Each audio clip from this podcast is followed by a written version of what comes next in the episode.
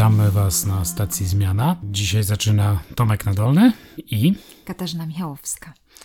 Witamy Was na podcaście, w którym mówimy o różnych e, zmianach, o życiowych kolejach, o stacjach. Dzisiaj chcemy się zatrzymać nad pojęciem zaufania. Nasze rozmyślania i rozmowy z Kasią ostatnio ten temat często dotykają. Mimo, że mam dzisiaj może trochę bardziej nosowy głos, mimo, że mam takie lekkie przeziębienie, mam nadzieję, że do publikacji ono już przejdzie, to chcielibyśmy pogadać o czymś, co jednak jest trochę ważniejszym problemem niż małe przeziębienie. Odciska piętno na wielu różnych dziedzinach życia. Zaufanie na różnych poziomach. Dokładnie. Myślę sobie nawet o tym przeziębieniu Tomka, że Tomek musi mieć zaufanie do swego lekarza, żeby pójść do niego i poprosić go o jakieś lekarstwa, a może nie ma zaufania do lekarza i myśli sobie, nie, no nie pójdę do lekarza, może znajdę sam rozwiązanie swojego problemu, ale musi wtedy mieć zaufanie do jakichś medykamentów, które przyjmie, że są dobrze przygotowane, dobrze przeszły jakieś e, badania i te medykamenty mu nie zaszkodzą. Więc jak widzicie, na zaufaniu opiera się bardzo, bardzo wiele czynności, które wykonujemy zupełnie bez zastanowienia, nie zastanawiamy się nad tym, że mamy jakiś nawyk, że robimy coś z powodu tego, że to jest oparte na zaufaniu, czyli na czymś niewidocznym, na zasobie, którego zupełnie nie widzimy. Jest to coś takiego, co nie da nawet może się troszeczkę zmierzyć. To coś, to takie jakaś głębokie nasze przekonanie, że możemy temu zaufać, jest bardzo ciekawą kwestią i bardzo ciekawym zasobem. Ja to w ogóle się zastanawiam, czy na niskim poziomie zaufania w ogóle jesteśmy w stanie funkcjonować. Bo jak się zaczynamy zastanawiać nad różnymi szczegółami naszego życia, no to właściwie wszędzie, no wszędzie są jakieś pewne konwencje społeczne, wszędzie są jakieś reguły, które gdzieś tam się umówiliśmy, że je przyjmujemy, więc jak gdyby gdyby nagle zniknęło zaufanie, to nie dałoby rady zapłacić w sklepie, użyć karty, przejść przez przejście dla pieszych, samochody zaczęłyby się poruszać bezwładnie i kto wie, czy w ogóle dałoby radę zatankować paliwo.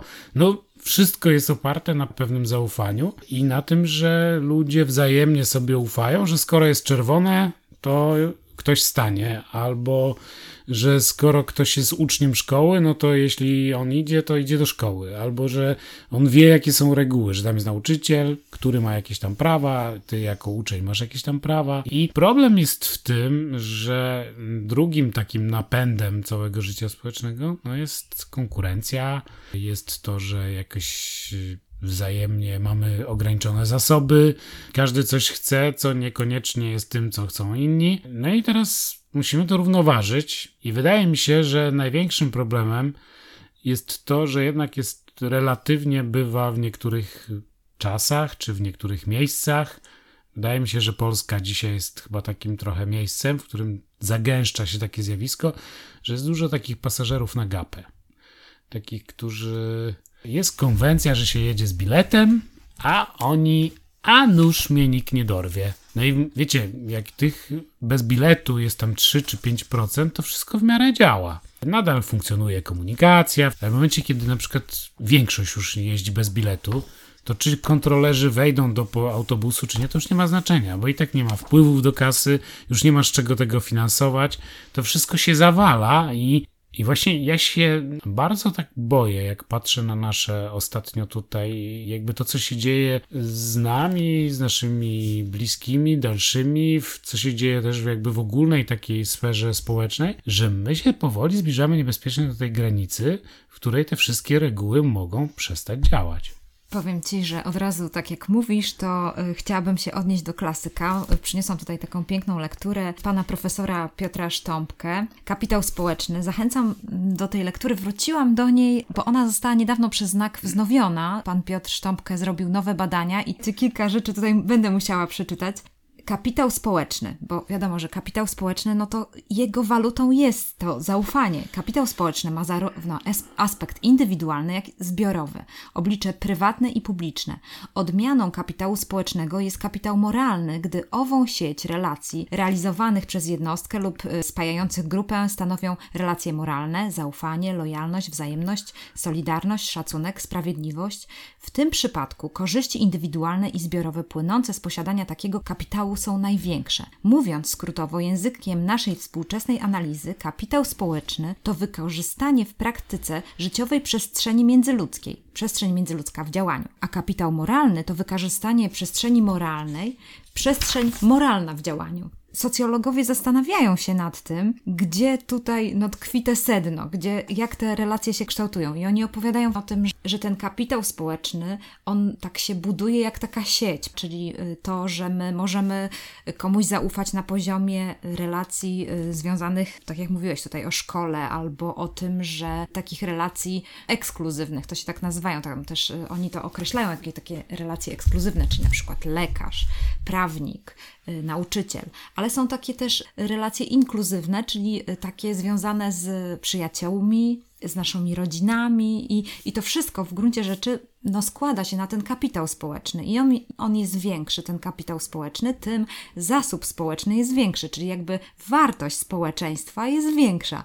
Więc to tak jakby prze, przekładać to na pieniądze, czyli im większe jest to zaufanie, pomiędzy tymi skomplikowanymi relacjami, które socjologowie badają w bardzo w różny sposób, jeśli ono jest większe, to wtedy to od razu przekłada się na, na tą wartość społeczną, na to, że można coś więcej zrobić, można coś zrealizować. I to, co mówisz o tych pasażerach na gapę, to od razu muszę powiedzieć jedną z rzeczy. Kiedy byłam na studiach, mieszkałam w akademiku, to było fajne doświadczenie, dlatego że to jest budowanie jakiejś społeczności, takiej pierwszej mojej społeczności poza technikum wcześniej, w którym byłam. Tutaj nagle jestem na studiach, te, te korytarzowe znajomości, te y, wspólne czasami przygotowywanie posiłków, rozmowy w łazienkach, wspólne mycie zębów i tak dalej. Bardzo fajne doświadczenie. I również wspólna pralnia.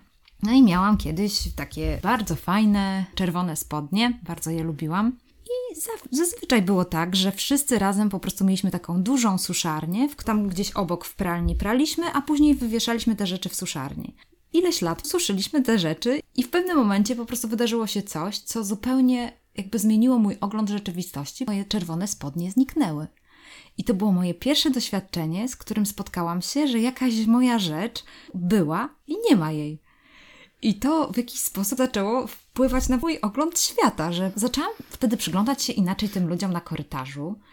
Zaczęłam myśleć, kurczę, czy a może to ten, a może to ten co tutaj się w ogóle wydarzyło? Moje pierwsze doświadczenie w wieku dwudziestu paru lat tego, że ktoś mi coś zabrał. Coś, co należało do mnie do tej pory i nagle stało się cudzą własnością. Więc to no było to ja takie... mam taką obserwację. Jak prowadziłem restaurację we Wrzeszczu, przyszedł taki dzień, w którym jedna z dziewczyn, która pracowała za, za barem, powiedziała, że wiesz Tomek, ktoś mi ukradł pieniądze z jakby z kieszeni czy z portfela ukradł, nie ukradł, może zgubiłaś, wydałaś, przepiłaś i, tak dalej.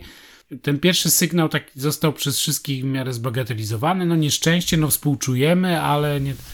A potem po jakimś czasie kolejna osoba przyszła to nie może być pomyłka, że jak w szatni powiesiła kurtkę swoją, to ktoś po prostu jej coś tam ukradł z tej kurtki. I to jest mała ekipa, która pracuje na zmiany, to 7 dni w tygodniu. Ludzie przychodzą, wychodzą, przebierają się, ciasna szatnia, w której jest ileś tam szafek. Nie bardzo jest tyle szafek, ile ludzi, bo razem na te wszystkie zmiany pracuje gdzieś ze 20 osób. Nie, niewiarygodnie zgnilizna taka w firmie zaczęła się. Taka fajna, zgrana paczka ludzi, w większości dość młodych. I, I nagle następuje taka korozja. Coś takiego, co zaczyna zżerać wszystko od środka, bo nikt nie wie, kto. Wszyscy na siebie patrzą podejrzanie. Te pieniądze całkiem spore zaczęły ginąć. Usiadłem całą noc, przysiedziałem, czyli mnie to kosztowało całą noc, żeby prze... no bo żeby, wiecie, żeby obejrzeć 8 godzin monitoringu, trzeba co najmniej 4-3 godziny poświęcić, no bo nawet przewijając, trzeba to oglądać. Przejrzałem więc ten monitoring, zlokalizowałem tego, który podkradał innym pieniądze. Oczywiście się z nim pożegnaliśmy, ale to był taki, jakieś takie dwa, trzy tygodnie, jak w Harrym Potterze, ta chmura taka czarna. To było takie mikrospołeczeństwo i tak jest w społeczeństwie. Jeśli się dobrze nad tym zastanowicie, to zobaczycie, że o wiele bardziej dla nas wszystkich opłaca się podtrzymywać te reguły zaufania, niż robić czasami innych, no przewalić, że tak powiem. Bo na krótką metę rzeczywiście jesteście do przodu. Jak y, wepchacie się samochodem przed innego i tak dalej, to na krótką metę jesteście do przodu, ale na dłuższą metę widzicie, co się dzieje na polskich drogach, że na przykład ludzie nie chcą siebie nawzajem wpuszczać, że ludzie parkują wszędzie, gdzie się tylko da i tak dalej. Właśnie dlatego, że wcześniej ileś razy ich reguły zostały w jakiś sposób potwierdzone, że tylko tak można, że nie można nikogo wpuścić, trzeba udawać, że ja nie widzę, że ktoś z lewej tam do mnie kiwa za szybki, że on prosi, żeby go wpuścić. Jeśli spotkacie ludzi, którzy nikomu nie ufają, a czasami takie jednostki są, to zobaczycie, jak one są po prostu nie, dysfunkcyjne zupełnie. Nie są w stanie funkcjonować, bo właściwie wszędzie podejrzewają spiski. Generalnie ich taki mindset jest, że wszyscy są, chcą ich oszukać. W związku z tym bardzo dużo zasobów idzie im na ciągłe śledzenie tego, że ktoś im chce coś ukraść. Ja nie wiem, czy na przykład wszystkie te hale garażowe, czy te wszystkie takie inwestycje może byłyby w ogóle zbyteczne, gdyby ludzie sobie nie okradali samochodu. Mhm. No ale okej, okay, myślimy tu o idealnej sytuacji. Ludzie generalnie mają skłonność do tego, że robią złe rzeczy innym, tylko kwestia tego, ile tego jest. No i co? No nie sposób pewnie pobiadolić że jednak nasze społeczeństwo polskie od lat w tych rankingach międzynarodowych wypada no nisko. W mm. Europie jesteśmy na szarym końcu y, i nic tam jakoś nie wskazuje, żeby było lepiej. Różnie te symptomy tego kapitału społecznego, zaufania społecznego, y, różnie one są mierzone, ale jakby nie mierzyć, to wypadamy nisko albo blisko pozycji ostatnich czy to tam te NGOsy, czy dobroczynność, czy przyjęło się na całym świecie, że się mierzy mhm. ten poziom kapitału społecznego, to, no to u nas on wypada nisko. Ja myślę, że, że, że tkwi tutaj źródło wielu naszych mhm. problemów, z którymi właściwie każdy, jak się dobrze znowu zastanowisz, staniesz, to każdy z nas musi się później borykać. Zgadza się. Teraz wrócę do Piotra Sztąpkę i książki Kapitał Społeczny, bo chodzi mi o to, żeby zwrócić uwagę, że Kapitał społeczny zaspokaja pięć takich podstawowych potrzeb człowieka. I pierwsza z nich to jest dążenie do bezpieczeństwa egzystencjalnego, czyli to jest możliwość potencjalnego zmobilizowania bogatej sieci relacji, w razie potrzeby daje poczucie takiego bezpieczeństwa oraz emocjonalnego wsparcia. Nie jestem sam wobec zagrożeń i wyzwań, jakie niesie życie codzienne, mam się na kim oprzeć, wiem gdzie szukać pomocy. To są tego rodzaju rzeczy. Drugą potrzebą człowieka jest potrzeba kontaktu z innymi ludźmi. Czy jesteśmy istotami rozmawiającymi, musimy mieć z kim pogadać, poplotkować, ponarzekać, musimy mieć do kogo zadzwonić, wiem, wysłać maila, napisać wiadomość przez Messengera. To jest druga potrzeba. Trzecia potrzeba to jest tak zwanej widowni dla autoprezentacji. Czyli chodzi o to, że potrzebujemy istotnych innych, u których znajdziemy potwierdzenie nasz, naszej tożsamości i naszych osiągnięć. To jest też bardzo ważne. Muszę mieć komuś się pochwalić, że mam piątkę na egzaminie, awansem w pracy, że mam nowy krawat itd. Tak itd. Tak Czwarta potrzeba jest związana z y, obrazem siebie. Jest to takie zwierciadło, że reakcje innych, a zwłaszcza istotnych innych, czyli tych bliskich relacji, one jakiś, jakoś wpływają na moje działanie. Gdy są pozytywne, inni mnie chwalą, nagradzają, podziwiają, potakują, uśmiechają się i moja jaźń umacnia się, napełnia dumą, optymizmem, skłania ku aktywności i dalszym osiągnięciom. Oczywiście, gdy spotykamy się z potępieniem, krytyką, karą, odrzuceniem czy wyklu wykluczeniem, nabieramy kompleksów i mamy o sobie kiepskie mniemanie. I piąta potrzeba, której człowiek potrzebuje, to jest tak zwanych drogowskazów. Działania, uwalniających go od ciężaru nieustannych wahań, decyzji, pozwalających na tak zwane działania rutynowe. Bo działania rutynowe, to już pamiętacie, że mówiliśmy z Tomkiem kiedyś, że te nasze rutyny odciążają nasz mózg, czyli ten proces decyzyjny jest bardzo trudny i zawsze jeżeli się ciągle będziemy y, tego procesu decyzyjnego doświadczać, to będzie nasza energia się wytracała, więc my potrzebujemy pewnych takich rutynowych działań, ale żeby to było zrealizowane, potrzebujemy drogowskazów i takich, takie rutynowe działania o przewidywalnych konsekwencjach. Więc chodzi mi o to, że jeżeli nie mamy mamy zapewnionego tego, tego kapitału społecznego, kiedy nie mamy tego zaufania, przewidywalności, co się stanie, to zauważcie, do jakich pięciu to się odnosi e, rzeczy w życiu człowieka, bardzo ważnych. I to powoduje takie ogólne zagubienie. Więc jakie są konsekwencje też tego, co mówiłeś, Tomek, że jeżeli jest niski kapitał społeczny w społeczeństwie, to jakie są konsekwencje? Czyli mamy kiepski obraz siebie, krytykujemy się wzajemnie, hejtujemy i tak dalej. Więc te różne rzeczy to. No tutaj... nie, no to nie mamy nawet poczucia bezpieczeństwa, i bo, bo jak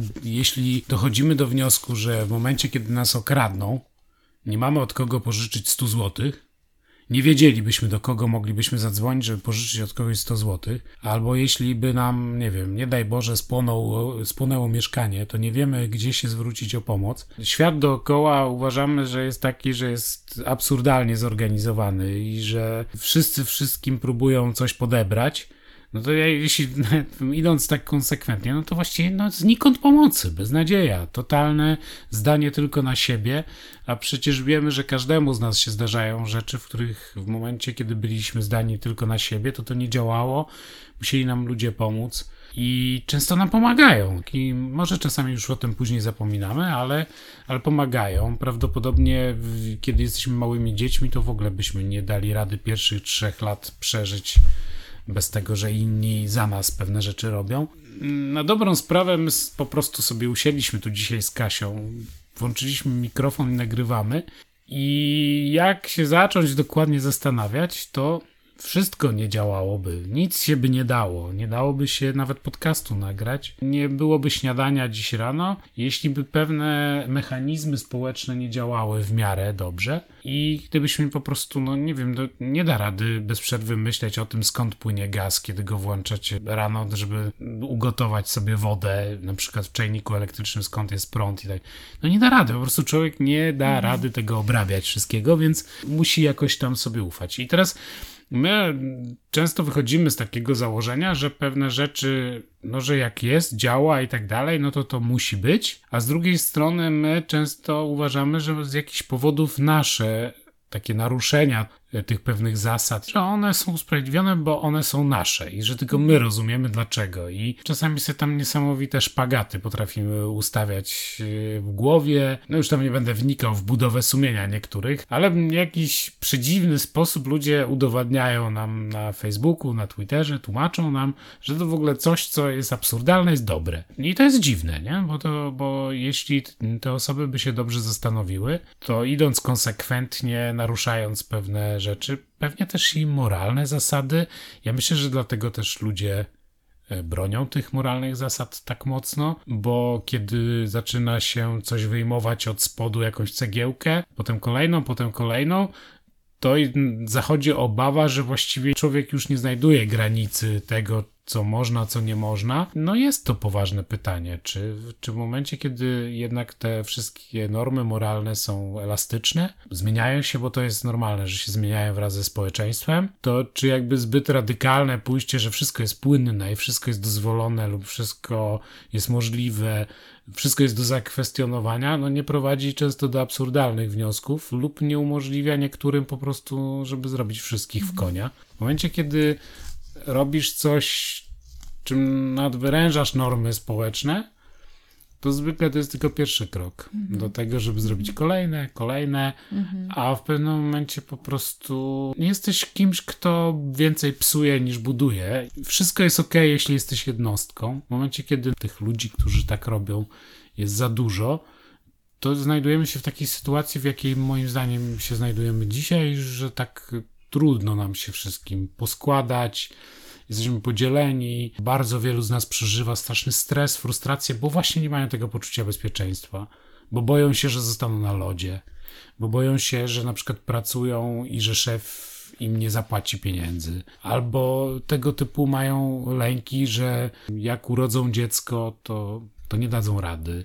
Zanikają te takie więzi społeczne, w których wiemy, że na pewno jest dookoła nas grupa ludzi, która zrobi wszystko, żeby nam się powiodło i mamy ich coraz mniej dookoła siebie, bo tam, to wiecie, to tam człowiek człowiekowi wilkiem, ale to nie musi być wilkiem, już nie musicie od razu chcieć zeżreć. Wystarczy, że nie chce ruszyć tyłkiem, nie? Myślę też o tym, że pewnie też tak było w Polsce, że te relacje rodzinne, one bardzo mocno sadziły naszą społeczność ze względu na to, że system w jakiś sposób nie wspomagał pewnych działań, nie dawał zaufania. Ludzie musieli się oprzeć na rodzinie. Teraz mamy taką sytuację, że to się trochę zmienia, że troszeczkę ludzie zauważają też ten i, i ta róż, te różnice pokoleniowe i te No różne, i rodziny są mniejsze. to Nie? są rodziny mniejsze, dokładnie, że tutaj ta sytuacja ogólnie jest, zmienia się, że jednak jak przejść w taki, taką zmianę społeczną, że musimy nie tylko pos, posadowić swoje zaufanie na, na tym takim backgroundzie naszych, naszej rodziny, ale również na tym zaufaniu społecznym, na, te, na takim zaufaniu wspólnotowym.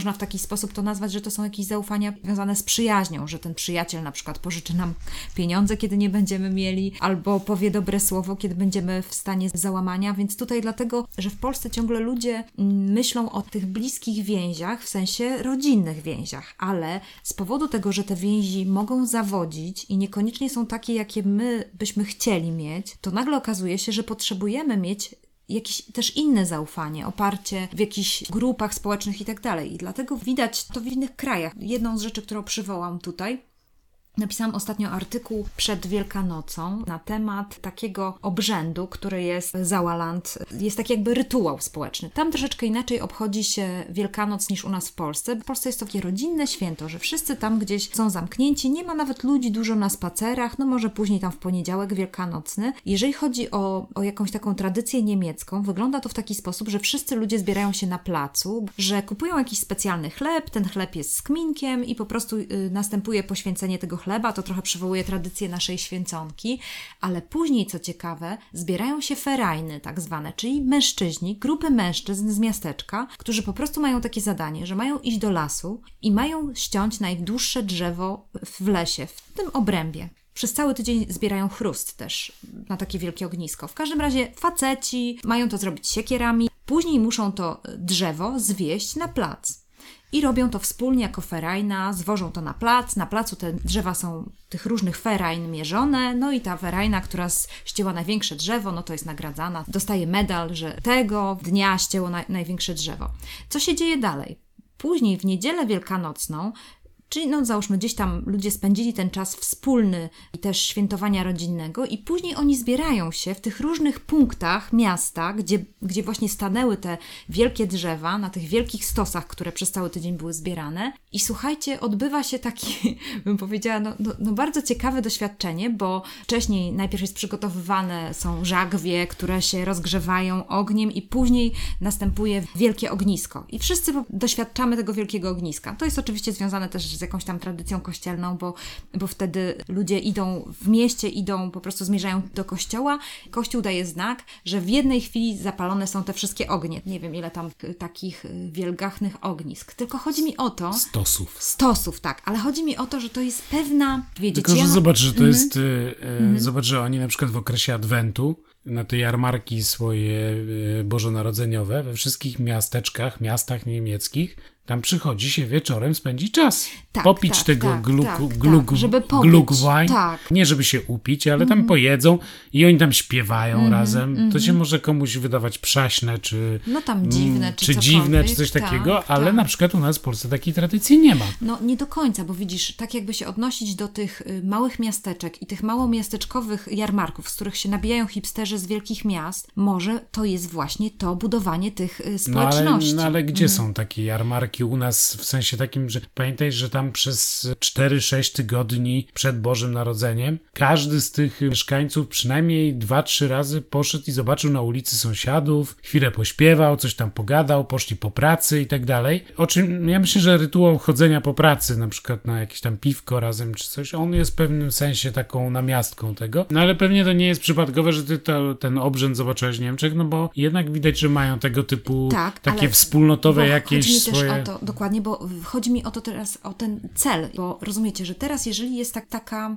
rutyna, ona się dzieje co roku, to ja jestem jakby członkiem tej społeczności. Mimo tego, że jestem w Polsce, nie mam doświadczenia niemieckiego, nawet nie jestem mistrzem z języka niemieckiego, ja coś przeżyłam z tą społecznością. I rozumiecie, jeżeli społeczność ma swoją tradycję i Rytuał. swoje rytuały, to oznacza, że ma większy potencjał do tego, żeby włączać ludzi, którzy są w cudzysłowie obcy, którzy są z in, inni, y, tak jak mnie, włączyli po prostu przez to, że jakby byli na tyle otwarci, dali mi mandat zaufania do tego, żebym ja to z nimi przeżyła. No bo, to, no bo taka jest prawda, że nasze polskie obrzędy typu wolny, pusty talerz przy stole, przy Wigilii, no jest fikcją, bo niech, bo kto z nas w rzeczywistości przeżył coś takiego, że ktoś nieznajomy został zaproszony do wspólnego rodzinnego stołu. Mało tego, no badacze tacy jak pokroju sztąpki przebadali to, że w rzeczywistości wcale byśmy nie zaprosili. To jest jakiś symbol, ale taki tylko, jakby nie dyskutuję tutaj o tym,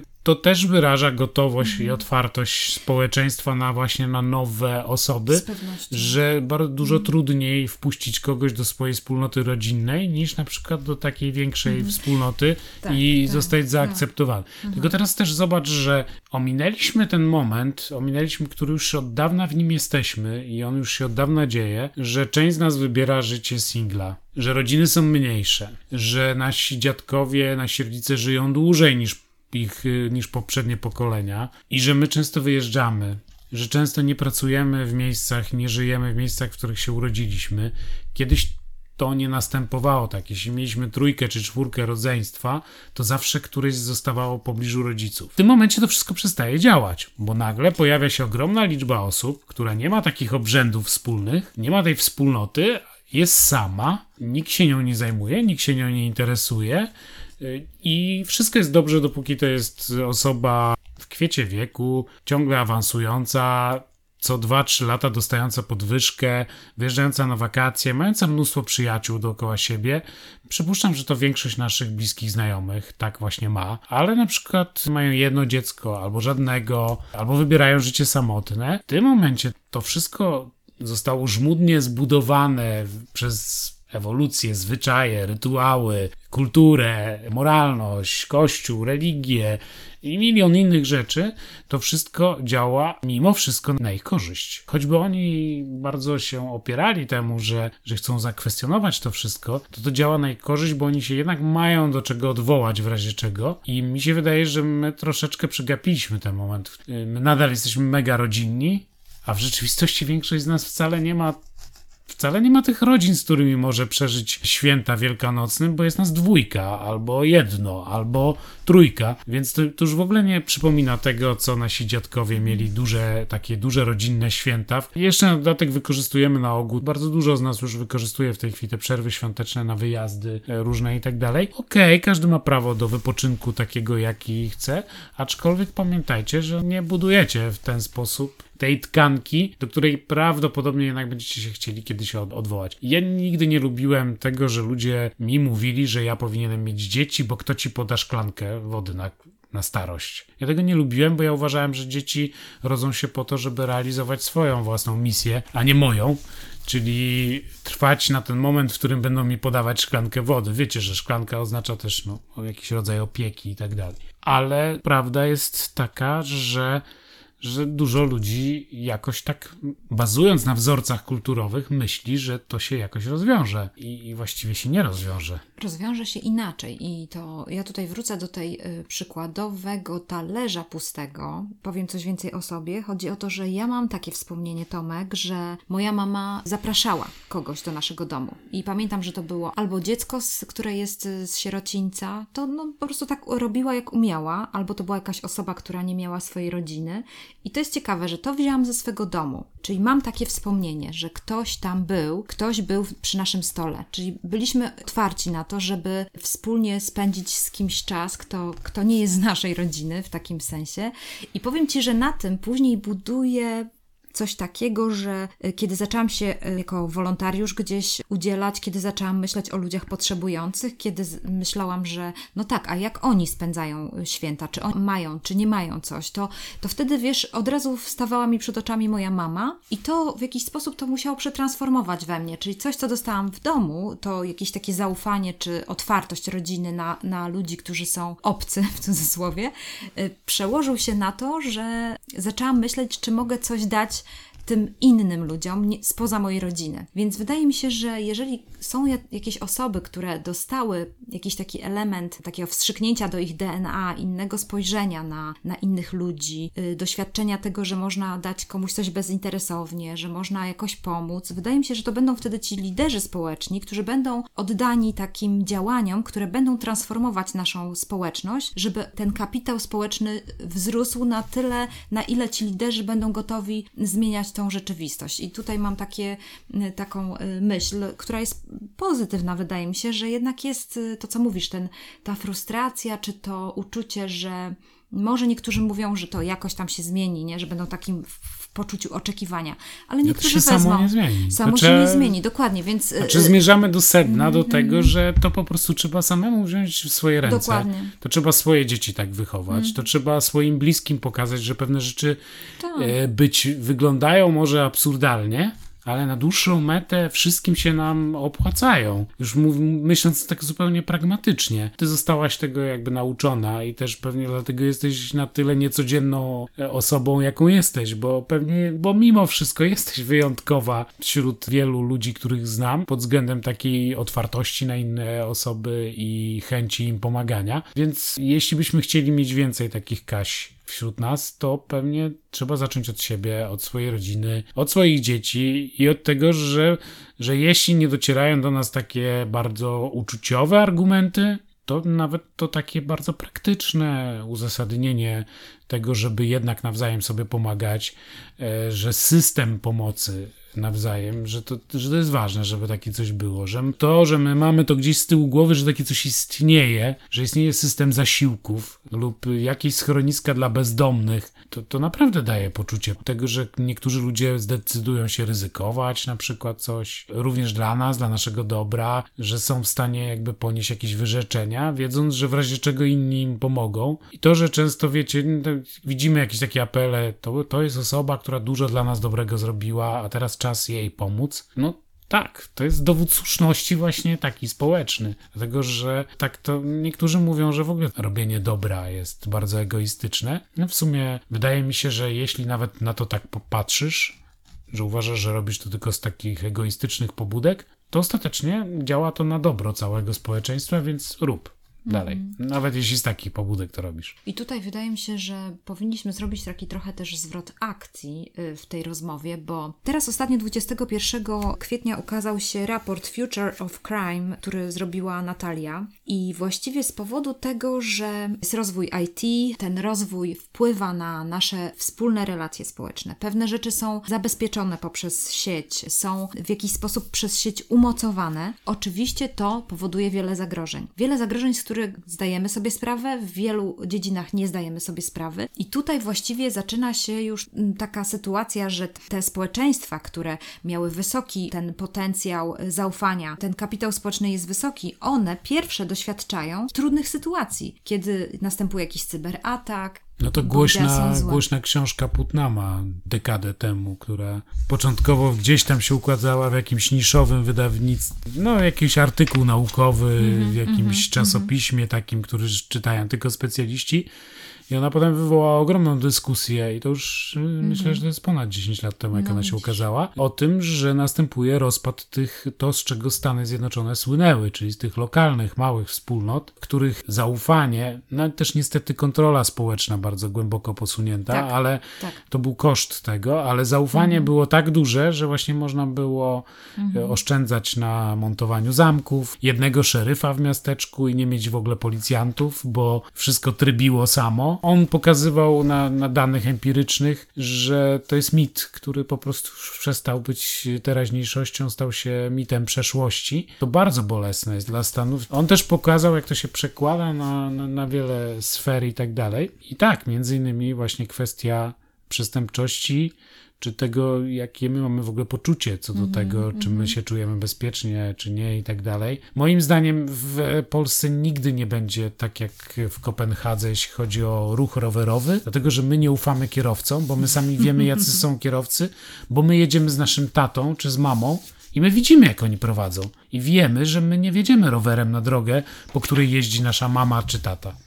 Ja na przykład, jak widzę, jak mój tata prowadzi, i to jest po prostu naruszanie wszystkich norm zaufania społecznego, to ja po prostu wiem, że jakbym się znalazł tam z rowerem, to bym wyzionął chyba ducha, no. Tutaj jest ta skomplikowaność, ta złożoność, którą trudno uchwycić, bo z jednej strony kapitał społeczny rośnie z powodu tego zaufania, ale z drugiej strony musimy gdzieś to zaufanie w jakiś sposób weryfikować i już te społeczności rozwinięte, one muszą zacząć inaczej patrzeć na pewne rzeczy. Jedną z przykładów podam Ci, które Natalia tutaj przywołała w tym raporcie. Na przykład cały zespół, no mechatronika, związana ze zdrowiem, oni po prostu produkują urządzenia, żeby ratować ludzi czy na przykład takie pompy insulinowe, czy na przykład jakieś ruszniki serca. I wyobrażacie sobie, że ktoś zrobił coś takiego, że zhakował ileś tam urządzeń i żądało okupu. Później jest tam właśnie w tym raporcie taka rozmowa ze specjalistą do spraw właśnie tam mechatroniki, tam związanej ze zdrowiem i ten człowiek mówi to, takie zdanie, że nikt o tym nie myślał, żeby to zabezpieczać. To jest jakby dziedzina, że przecież, no przecież my, ja myślę sobie, że jestem inżynierem, to pracuję nad tym, żeby człowiekowi pomóc. No mam wysoki wskaźnik zaufania społecznego, nie zakładam czegoś takiego, że ktoś może się posunąć do czegoś takiego,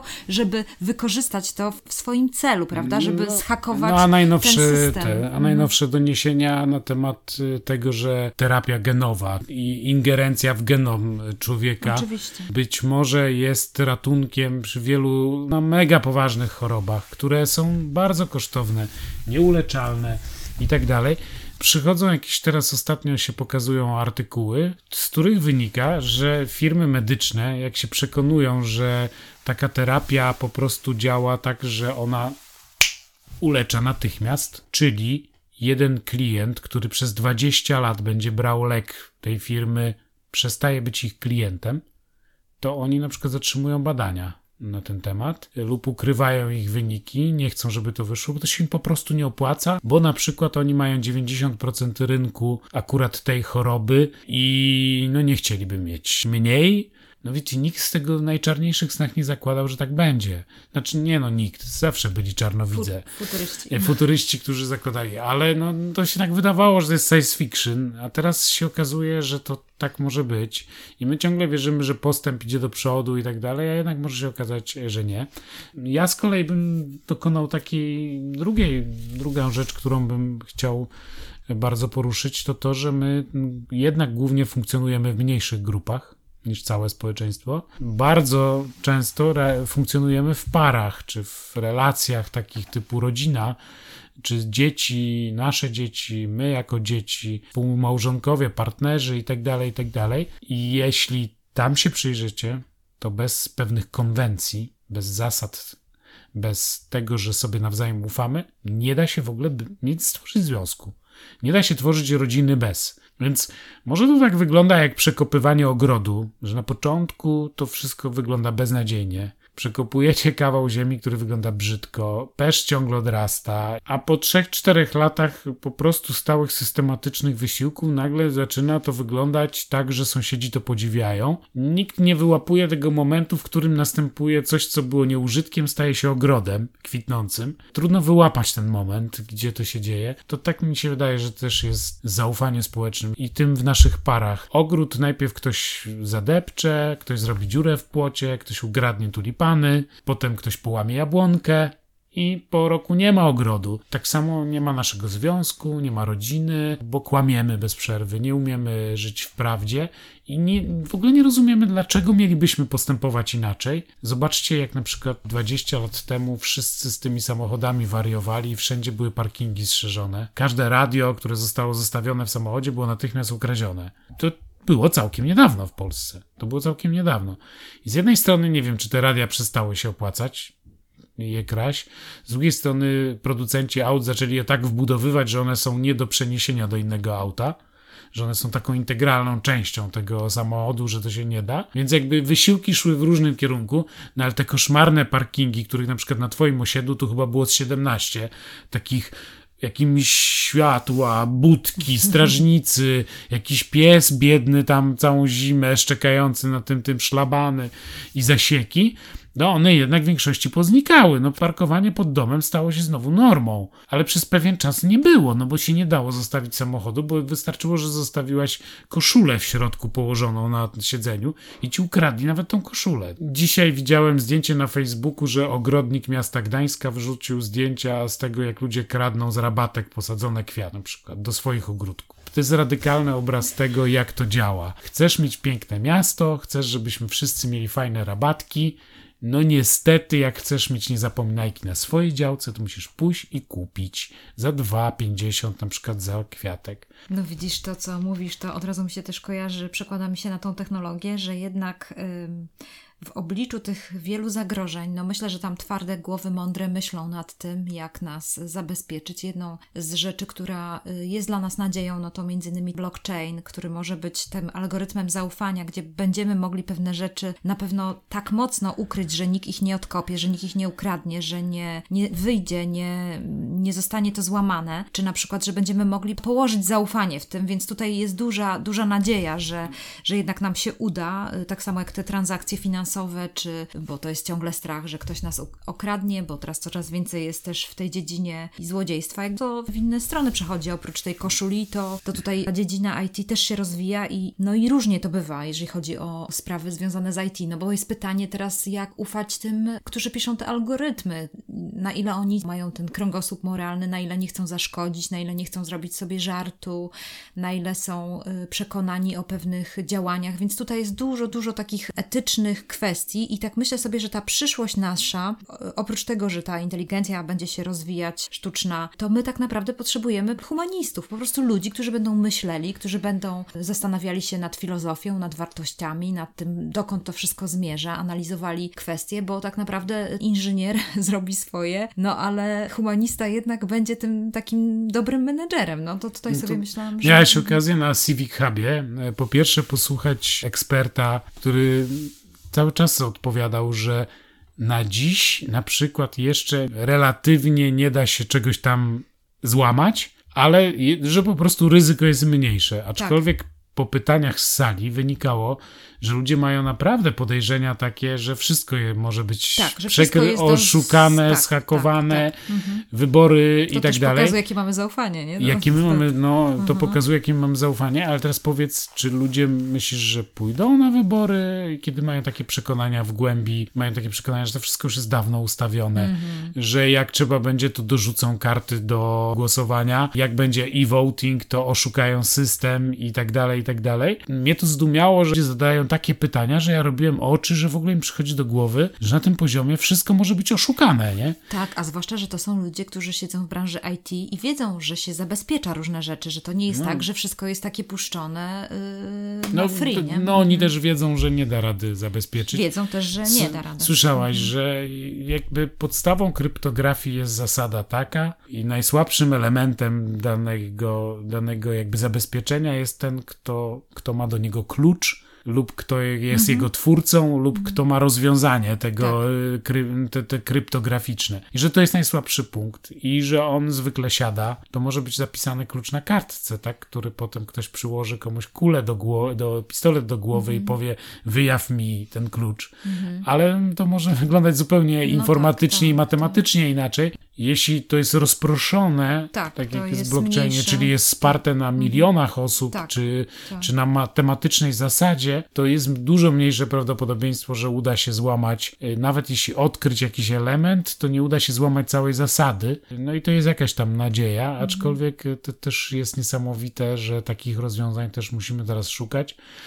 że nie starcza już notariusz, że nie starcza tak, już komisja wyborcza, e, mhm. że wszystkie tego typu rzeczy e, zostają zakwestionowane i wśród bardzo inteligentnych ludzi, których mieliśmy okazję spotkać, nie brakowało tam takich, którzy mają takie przekonanie, że właściwie to wszystko jest mhm. fake, że mhm. żyjemy w takim matriksie, w którym jesteśmy tylko pociągani za pewne Tak. sznurki i że w ogóle nie jesteśmy w stanie do końca tego odkryć, tych mechanizmów, które zarządzają naszą rzeczywistością, no to bardzo jest smutna, smutne dojście. Dokładnie, do- chociaż ja sobie myślałam wczoraj, kiedy słuchałam tych pytań, myślę sobie, to chyba wynika też z tego, że jeszcze ludzie dokładnie tego nie poznali, to znaczy nie rozumieją tej technologii. Kiedy zaczną ją rozumieć, kiedy zaczniemy widzieć różne praktyczne przykłady te użycia, że to będzie coś y, takiego, że to naprawdę nie można złamać, że dopiero, nie wiem, następne komputery kwantowe, które się pojawią zaraz już niedługo, y, za kilka lat, będą w stanie odczytać te kody, tę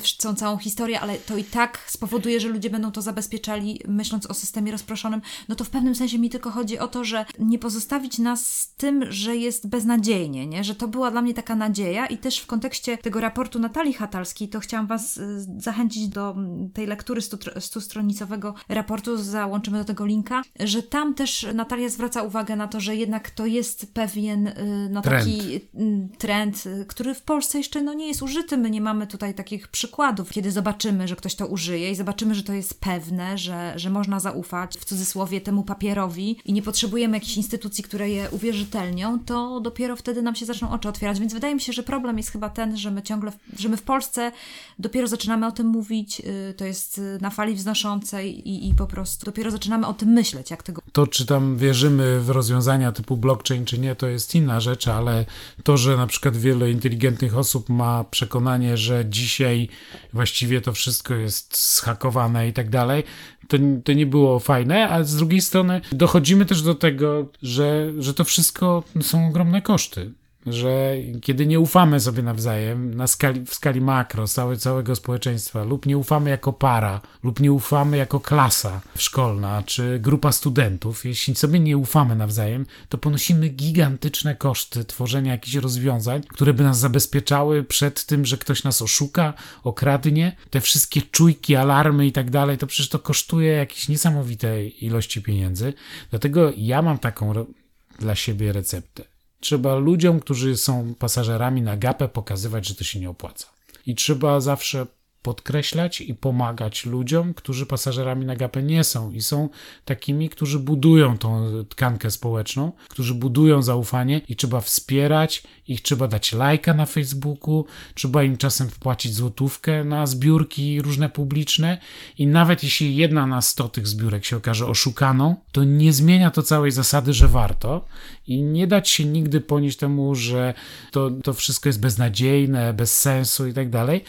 Każdy taki nasz drobny gest jest sumowany razy tysiące ludzi, buduje coś, do czego się będziemy z czasem mogli odwołać, ale każdemu, kto na przykład jeździ bez biletu, i to nie dlatego, że jest biedny, tylko dlatego, że on tak uważa, albo próbuje tak zaparkować na, par- na trawniku, żeby nie zapłacić za płatne parkowanie, pokazujmy, mówmy, że to nie jest w porządku, że to jest nie fair.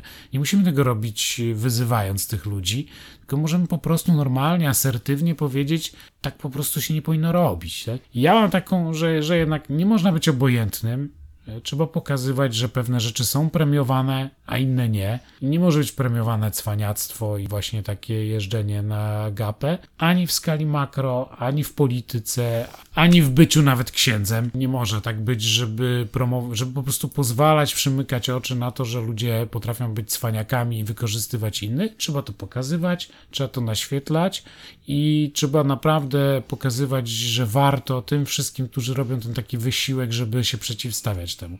Fajne, co mówisz, Tomek, bo myślę sobie, kurczę, to y, jedną z rzeczy, którą tutaj dodam, to mój ubiegłoroczny wyjazd na Ukrainę, gdzie pracowaliśmy z dziećmi w parku, w ogromnym parku, który był pełen śmieci.